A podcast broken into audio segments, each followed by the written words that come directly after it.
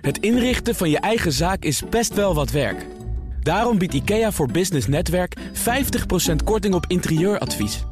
Word gratis lid en laat je werkplek voor je werken. IKEA, een wereld aan ideeën.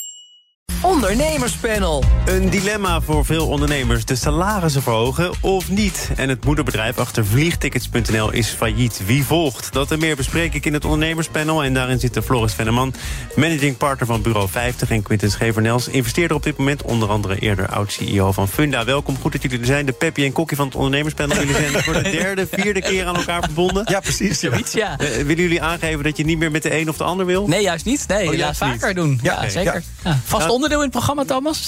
Nee, nee, daar- later meer. Op zijn vroegst volgend jaar. Heel goed. Ehm, we gaan naar jullie, eh, jullie eigen nieuws. Floris, nee, ik ga even gas voor je voeten wegmaaien. Ik zag jou zomaar zitten in een ronde tafelgesprek in de Tweede Kamer. Ja, ja, toch even proberen of we de Kamerleden een beetje kunnen uitleggen... hoe werken naar je pensioen eruit zou moeten kunnen zien. En dat we daar toch meer aandacht voor moeten hebben. En is dat gelukt? Eh, volgens mij wel, ja. Er komt een vervolg. Dus. En, en, en waarom zou dat wenselijk zijn eh, als er op een andere manier nagedacht wordt over werken na je pensioen? Eh, nou, meerdere redenen. Eh, Ik denk de belangrijkste reden is... we worden met z'n allen ouder... maar we blijven ook langer gezond en fitter en vitaler. Eh, mensen willen ook langer doorwerken. Daarom is de pensioengerechtigde leeftijd toch al omhoog gegaan? Eh, ja, maar we hebben nog steeds te maken met dat we framen alsof er daarna een periode aankomt waarbij je op hè, lekker relaxed en alles kunt doen wat je, nou, wat je wil, lekker ontspannen en dat soort dingen. Terwijl we ook de capaciteit en de mensen gewoon keihard nodig hebben. En nogmaals, de wil is er ook. Dus we moeten, we moeten het, het woord pensioen of de periode van pensioen anders framen. En dat was mijn oproep aan de Kamer. En, en, en eh, zonder jouw volgende gesprek al helemaal hier op de radio te verklappen... maar wat voor aanpassingen zijn er dan denkbaar? Eh, nou ja, het, het überhaupt eh, afschaffen van het leeftijdsontslag In zijn totaliteit? in zijn totaliteit. Nou, ja, je, je komt er een keer, maar meteen met drastische maatregelen. Heel goed. Ja. Wat is je eigen nieuws? Eh, nou ja, goed, eh, je, je, in de aankondiging had je het er al een beetje over. Ik, ik werd weer eh, nou, opgeschrikt door het volgende bericht in rij, zou ik haast willen zeggen. Dat eh, nou ja, ook winkeliers nu vrezen voor extreme huurverhogingen. Tot, tot wel 14% of zelfs ruim 14% en ik vraag me echt een beetje af wanneer, wanneer houdt dit op? Want, Het is gekoppeld aan de inflatie, hè? Ja, maar de vraag natuurlijk is een beetje één. Als je al kijkt naar die 14% dan, eh, en daarnaast de hogere energielasten. Dus dan zou je al zeggen dat volgens mij in inflatie... ik ben geen expert, maar in inflatie zit volgens mij ook de verhoging van de energielasten al verdisconteerd. Dus volgens mij pak je winkeliers dan eh, dubbel op. En overigens niet alleen winkeliers, maar ook mensen die een kantoor huren... eh, vallen hier net zo hard onder, zeg ik uit eigen persoonlijke ervaring. Ehm, eh, dus, dus volgens mij is het de tijd om weer eens even een beetje normaal met elkaar te gaan doen. En misschien weet je, dat we met elkaar iets moeten doen. Dat we het samen moeten doen. Maar dit is volgens mij heel Maar, eenzijdig. maar wat is dan normaal doen met elkaar? Want dat is in de coronaperiode uiteraard ook gebeurd. Hè. Toen hebben heel veel eh, huurders en verhuurders elkaar toch nog wel gevonden. De bereidheid nam een beetje af gedurende die coronapandemie. Maar toch, nu zegt in retail bijvoorbeeld... eh, ja, indexatie, dat is wat ons betreft bespreekbaar... maar doe dan iets met die energierekening. Ja. Eh, is dat wat jou betreft het samen doen? Nou, volgens mij is het samen doen, het, het inderdaad daar, daar met elkaar een gesprek over hebben. En, en er volgens mij in zitten voor de lange, lange termijn en de duurzame relatie. En wat ik toch wel veel verhalen om me heen hoor. ook, ook de afgelopen week nog weer ondernemers gesproken. Die gewoon nou ja, zonder discussie een verhoging om hun hoofd krijgen. Waarbij een verhuurder gewoon doodelijk zegt: ja, je betaalt maar. En als je niet betaalt, dan ha- incassobureau en, en faillissement, et cetera. Denk ja, dat is volgens mij niet de toon die we met elkaar willen. We gaan naar eh, het eigen nieuws van Quinten. Het sluit volgens mij aan op cijfers van vandaag van het CBS... over Ja, het toegenomen winsten, aandeelhouders... die wat extra's hebben gekregen de afgelopen periode. Ja, het is een beetje de andere kant van de medaille van wat, eh, wat Floris zegt. Dus er was, eh, gisteren werd er een onderzoek gepubliceerd, Europees onderzoek. Waaruit bleek dat Nederlandse bedrijven sinds eh, 2020 meer reserves hebben opgebouwd dan welke markt dan ook in Europa. Dus wij hebben nu bijna 40% van het bruto binnenlands product hebben Nederlandse bedrijven als reserve. En dat is in Duitsland bijvoorbeeld maar 20%. En er kwam vandaag inderdaad overheen dat Nederlandse bedrijven in kwartaal 3 meer winst hebben gemaakt dan ooit Gaat het toch daarvoor. slecht, hè? Ja. Ja, maar dit is de, dus het, het is niet dat het een waar is en het ander niet, maar We hebben het Eh, hard nodig de komende maanden, denk dat- ik. dat eh, zou deze zo kunnen maar zijn, goed, maar- dan- dan komen we bij de verklaringen, hè, want eh, die zijn ook gegeven in dat Europese onderzoek, of in ieder geval daar is eh, over gespeculeerd. Ja, is dat dan gebeurd, hè, dat oppotten van die reserves om eh, gewapend te zijn tegen mindere tijden? Eh, zou dat het kunnen zijn? Ja, ja, nee, dat, dat wordt wel aangegeven. Dat een van de voornaamste redenen dat men dat gedaan heeft, is inderdaad omdat. Maar goed, dat geldt ook voor heel veel andere landen in Europa. Dus blijkbaar hebben de Nederlandse ondernemers, bestuurders, die zijn daar toch wat voorzichtiger geweest. Ietsjes eh, zuiniger geweest. En ik denk dat dat uh, als uitgangspositie voor de jaren die gaan komen natuurlijk wel heel fijn is. Het is ook geen geheim dat er natuurlijk tamelijk royaal gesteund is in die corona-pandemie vanuit de overheid. En dat daardoor ook de economische krimp alleszins meeviel. Ja, ja nauwelijks faillissementen. Daarom. Ja. Nee, dat is hartstikke mooi. Eh, zou het nou ook nog kunnen zijn dat als die bedrijven dat geld toch hebben, eh, dat ze er iets anders mee gaan doen? Dat er overnames gaan plaatsvinden of dat ze dividend gaan uitkeren? Ja, ja, ja aandelen inkopen, aandelen overnames inkopen, doen, ja, nog dividend uitkeren. Nee, dat, absoluut. Nee, dus ik verwacht ook wel. iets anders dan, dan het gaan aanwenden om eh, de recessie aan te kunnen. Uh, ja, maar dat, dat betekent wel dat je natuurlijk. de, er zijn heel weinig um, um, IPO's geweest, beursgangen het is best wel lastig om bedrijven te verkopen. En het kan natuurlijk wel betekenen dat er heel veel uh, transacties komen waar wat grotere bedrijven, strategische bedrijven, acquisities gaan doen. En uiteindelijk is dat natuurlijk heel erg goed, want daardoor worden die bedrijven gewoon sterker. Dus dat worden gewoon sterkere bedrijven. Loris? Jij ziet het ook gebeuren? Ja, ik, ik zie het absoluut gebeuren. Uh, maar ik denk wel, tenminste, laat ik, ik probeer het altijd even dichtbij te houden bij de ondernemers die ik spreek. En ik zie toch ook wel heel veel ondernemers die juist extreem voorzichtig zijn met dividenden uitkeren. Die het, het oppotten echt gebruiken omdat ze niet weten hoe komend jaar eruit gaat zien. Met uh, nou ja, alle dingen die net al langsgekomen zijn. Hè. De, de, de lonen die omhoog gaan, uh, de, de huurder die omhoog gaat. En, en ook überhaupt gewoon inkoop wat, wat fors duurder wordt. Ja, er is heel veel onzekerheid in de markt. Dat is nou, laten we het over een van die punten hebben, namelijk het verhogen van de lonen. Een hoger loon betalen, dat kan best. Bedrijven maken genoeg winst. Zegt niet zomaar de eerste de beste. Nee, president Klaas Knot van de Nederlandse Bank gaf gisteren een groot interview in de Telegraaf. Je zou kunnen zeggen, mooie steun in de rug voor de vakbonden, die de messen al een tijdje aan het slijpen zijn. Uh, dit zei Piet Rietman, hij is bestuurder van FNV, vorige week dinsdag al in BNR Breekt. Eh, nou ja, gelet op de koopkrachtdaling die we hebben meegemaakt met z'n allen, dat er meer sociale onrust aan, aan zit te komen in het komende jaar. Als leden van de FNV meerdere dagen willen staken, desnoods willen ze een week of een maand staken, ja, dan, dan kan dat. En dan kan dat werkgevers sneller op de, op de knieën uh, brengen. En de zakken van vakbonden zijn diep. Dus ik denk dat die meerdaagse stakingen mogelijk zijn, nuttig zijn en er meer aankomen. Meerdaagse stakingen, ik hoor een week voorbij komen, een maand zelfs, diepe zakken bij de vakbond. En er is iets om voor te vechten. Krappe arbeidsmarkt. Eh, het kan, zegt nu ook de president van de Nederlandse Bank, Floris. Uh, zie dat nog maar eens te bestrijden. Ik uh, ben blij dat ik geen uh, CAO heb waar ik me aan hoef te houden. Ik hoop niet dat mijn collega's luisteren. Um, maar nee, maar ik, ik, word, ja, ik word hier bloed, bloedje giftig van, van dit soort, dit soort opmerkingen. Ik kan hier echt, dit haalt echt, dit gaat mijn bloed gaat hiervan koken. Als je het hebt over wat ik net al zei, het samen doen, dit, dit, dit slaat echt, echt door naar de andere kant. Dus ik word hier, nee, goed. Dat. Maar wat, wat is dan het, het samen doen? Want die vakbondsbestuurders kunnen met enig recht zeggen: wij hebben veel leden die niet allemaal kapitalen mee naar huis brengen. Nee. de lonen wordt ook politiek nee. al vastgesteld, zijn jarenlang achtergebleven. Er was ruimte om die lonen te verhogen. Is niet gebeurd. Nu komt er een serieuze inflatie achteraan. Er is volgens mij geen discussie, Thomas, over of, of salarissen wel of niet verhoogd moeten worden. En dat je, dat je als bedrijf een gebaar maakt om, om je medewerkers te belonen naar het feit dat het goed gaat. Uh, maar tussen een salarisverhoging van een paar procent, die best heel logisch en aannemelijk is. Maar uh, om, om te zeggen van we, gaan, we gooien er het verdubbelen of driedubbelen uh, soms, hè, richting de 10, 15 procent. Dan denk ik, ja, maar wacht eventjes, at the end, dat is leuk voor de komende maanden. Maar als at the end het gevolg is dat jouw bedrijf failliet gaat. Ja, blijkbaar interesseert die werknemers dat, dus geen reet. Dat, is volgens Klaas Knot bij heel veel bedrijven niet eens aan de orde. Die maken genoeg winst. Cijfers van CBS vandaag. Onderzoek Europees uitgevoerd eerder deze week. Uh, ja. het lastige, ik denk dat het lastig is, is, het gaat heel erg natuurlijk over inflatie en koopkracht. We hebben natuurlijk een ontzettend uh, abnormale situatie dit jaar. En als je salarissen nu gaat verhogen met 10, 12, 15 procent, is dat eigenlijk voor altijd. Dus ieder bedrijf maakt daarmee zijn kosten fors hoger. Ik denk dat dat niet hoeft en dat dat ongezond is. Dus ik zou, als je daar nou ja, een beetje selectiever mee omgaat, kan je eenmalig nu compenseren, gewoon met een eenmalige uitkering. Ik zou er ook naar kijken dat je niet alle salarissen, zoals nu de academische ziekenhuizen doen, die verhogen alle salarissen met 10%. Ook van de chirurgen, die 200.000, 300.000 euro per jaar verdienen. Ja. Veel selectiever zijn. Kijk dan waar de pijn het meest is. Zeg dan bijvoorbeeld Iedereen krijgt 300, 400 euro meer per maand. Dat maakt voor de lage salarissen heel veel uit. En die hoogste salarissen, ik zit zelf ook in die klasse, je hebt het helemaal niet nodig. Dus ik denk dat we echt voorzichtig moeten zijn. Leren. Ja, ja denk ik echt. Ja, ik denk voor nu wel, gegeven deze situatie wel. Normaal ben ik daar niet per se een voorstander van, maar ik zou dat nu zeker doen. Ja. Ja, ook omdat het andere inderdaad structureel is. Dus je hele operatie wordt 10, 12, 13, 14 procent uh, duurder. En uh, je weet één ding wat er gaat gebeuren. Volgend jaar staan ze weer op en dan komt er weer 5 procent bij. Dus het is. Uh, nou, ik, ik zou willen... zal volgend jaar iets minder hoog uitpakken. Je, wordt je, wel verwacht. Jawel, oké, okay, maar, maar het is dus wel daarna weer 5 procent over een bedrag wat al net radicaal verhoogd is. Dus ik denk dat je, je maakt hiermee structureel bedrijven echt kapot of het echt, echt heel moeilijk. Ja, Klaas Knolte heeft het overigens niet over percentages die oplopen tot 10, 15 procent. Hij heeft zich voor het eerst laten verleiden tot het noemen van een percentage en komt dan uit op 5 tot 7 procent. Uh, valt daar dan aan deze tafel wel over te praten? Ik denk dat we dan een, klein beetje meer bij die 5%, uh, dat we daar een beetje meer in de buurt komen. Ja, en ik zou nog steeds kijken naar uh, hoe je dat kan verdelen. Ja, ja.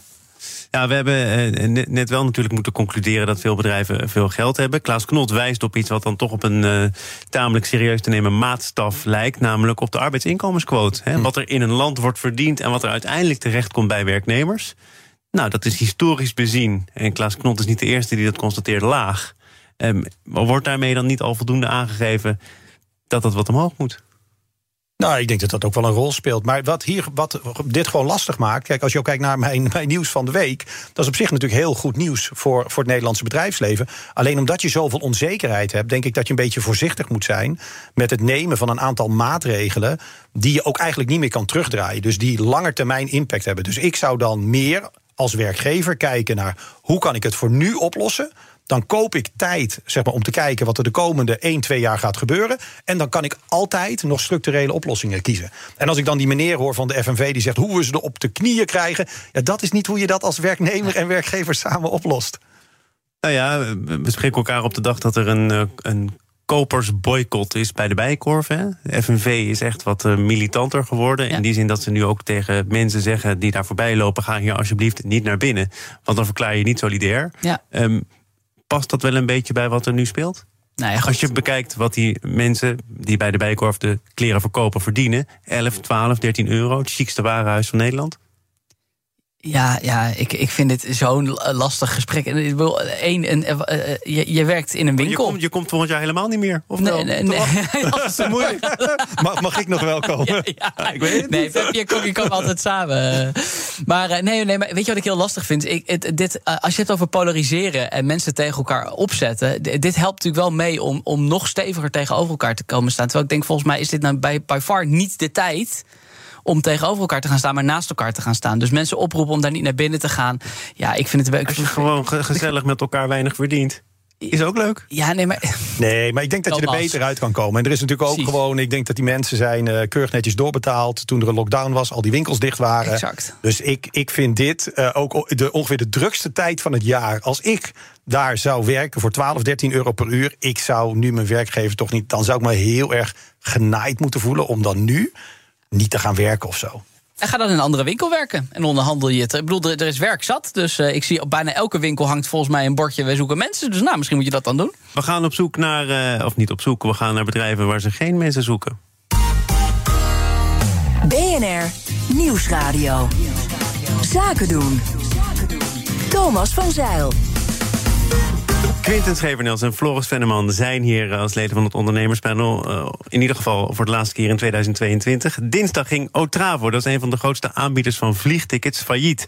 En dat is het moederbedrijf achter onder andere vliegtickets.nl. Had eerder al de verkoop in tickets stilgelegd. Quinten, heb jij het een beetje gevolgd? Wat is er nou misgegaan? Nou, ik heb, dit, ik heb dit niet inhoudelijk heel erg gevolgd. Dus ik weet niet precies oh, wat. van mij komen. Wat, wat? Of nee, Floris natuurlijk. ja, precies. Dat is het voordeel van een duo. Nee, ja, het is op zich natuurlijk wel een beetje merkwaardig als je na een lockdown zit en toerisme floreert eigenlijk over de hele wereld. Hè. Mensen hebben veel gespaard, willen heel graag weer gaan reizen. Hè, dus dat gaat allemaal heel erg goed. En dat dan toch uiteindelijk ook gewoon daar aanbieders nog steeds uh, kunnen omvallen. Dat zou ongetwijfeld wel iets te maken hebben, denk ik, met uh, gewoon schulden die ze met ja. zich hebben meegetrokken ja. vanuit de coronaperiode. Nou, Steun, belasting belasting, nou dat soort dingen. Maar eh, laten we er ook even kijken eh, met de bril van de investeerder. Want Otravo dat is behoorlijk hard gegroeid, heeft veel bedrijven overgenomen, leed ook de afgelopen jaren wel verlies. Um, maar zij moeten natuurlijk, om wereldwijd een deuk in een pakje boter te kunnen slaan, het opnemen tegen de skyscanners. En er hoort bij dat je wel kiest voor schaal, dat kost geld. Ja, uh, ja hoe speel je dat spel? Ja, nou en ook als je dan overnames hebt gedaan, dan heb je die overnames waarschijnlijk gefinancierd waarschijnlijk tegen lage rente. En als je dan nu moet herfinancieren. En in plaats van uh, 4, 5 procent rente moet je in één keer 10, 12 betalen. Nou, dan kan dat enorme impact hebben. En kan je daardoor gewoon failliet gaan. Is, is dit ook wat er speelt bij meerdere bedrijven op dit moment? Hè? We hebben in Nederland ook al wat bedrijven gezien die toch in wat zwaarder weer terechtkwamen. Mensen op straat moesten zetten, zelfs failliet gingen. Ja, ook ja. omdat groei gewoon uh, duurder wordt en nu uiteindelijk te duur blijkt. Ja, ja, en het was heel erg goedkoop. Dus wat ik in de wereld waarin ik zit, uh, veel technologiebedrijven, scale-ups. Wat je eigenlijk ziet is dat die in. Uh, Um, uh, 2020, 2021 uh, waren de waarderingen van dat soort bedrijven extreem hoog. Dat betekent dat het heel goedkoop was om veel geld op te halen. Die bedrijven zijn eigenlijk met dat geld uh, gaan groeien, veel personeel aannemen, dat ook heel snel doen. Nu zijn die waarderingen heel erg naar beneden gegaan en zie je ook een soort rationalisering daar. En dat betekent dus dat nou, bijvoorbeeld hier in Amsterdam, MessageBird, een van de grotere techbedrijven die wij hebben, die hebben geloof ik 20, 25 procent van hun personeel ook ontslagen. Niet omdat ze verlies maken, maar omdat ze wel merkten, ja. we zijn een beetje meegegaan in die gekte. Maar en jij vindt wel... dat rationeel? Jij vindt de periode die achter ons ligt een periode van gekte? Waar Ja, op dat moment wel heel veel mensen in geloofden Ja, natuurlijk. nee, nee, nee, maar dat was echt niet. Uh, ik krijg ook wel eens de vraag van wat jongere founders, ondernemers: van uh, wanneer wordt het weer normaal, denk je? En dan zeg ik nee. Dit is eerder normaal als het gaat om bedrijfswaarderingen, noem maar op, dan de afgelopen twee, drie jaar. Dat was echt niet normaal.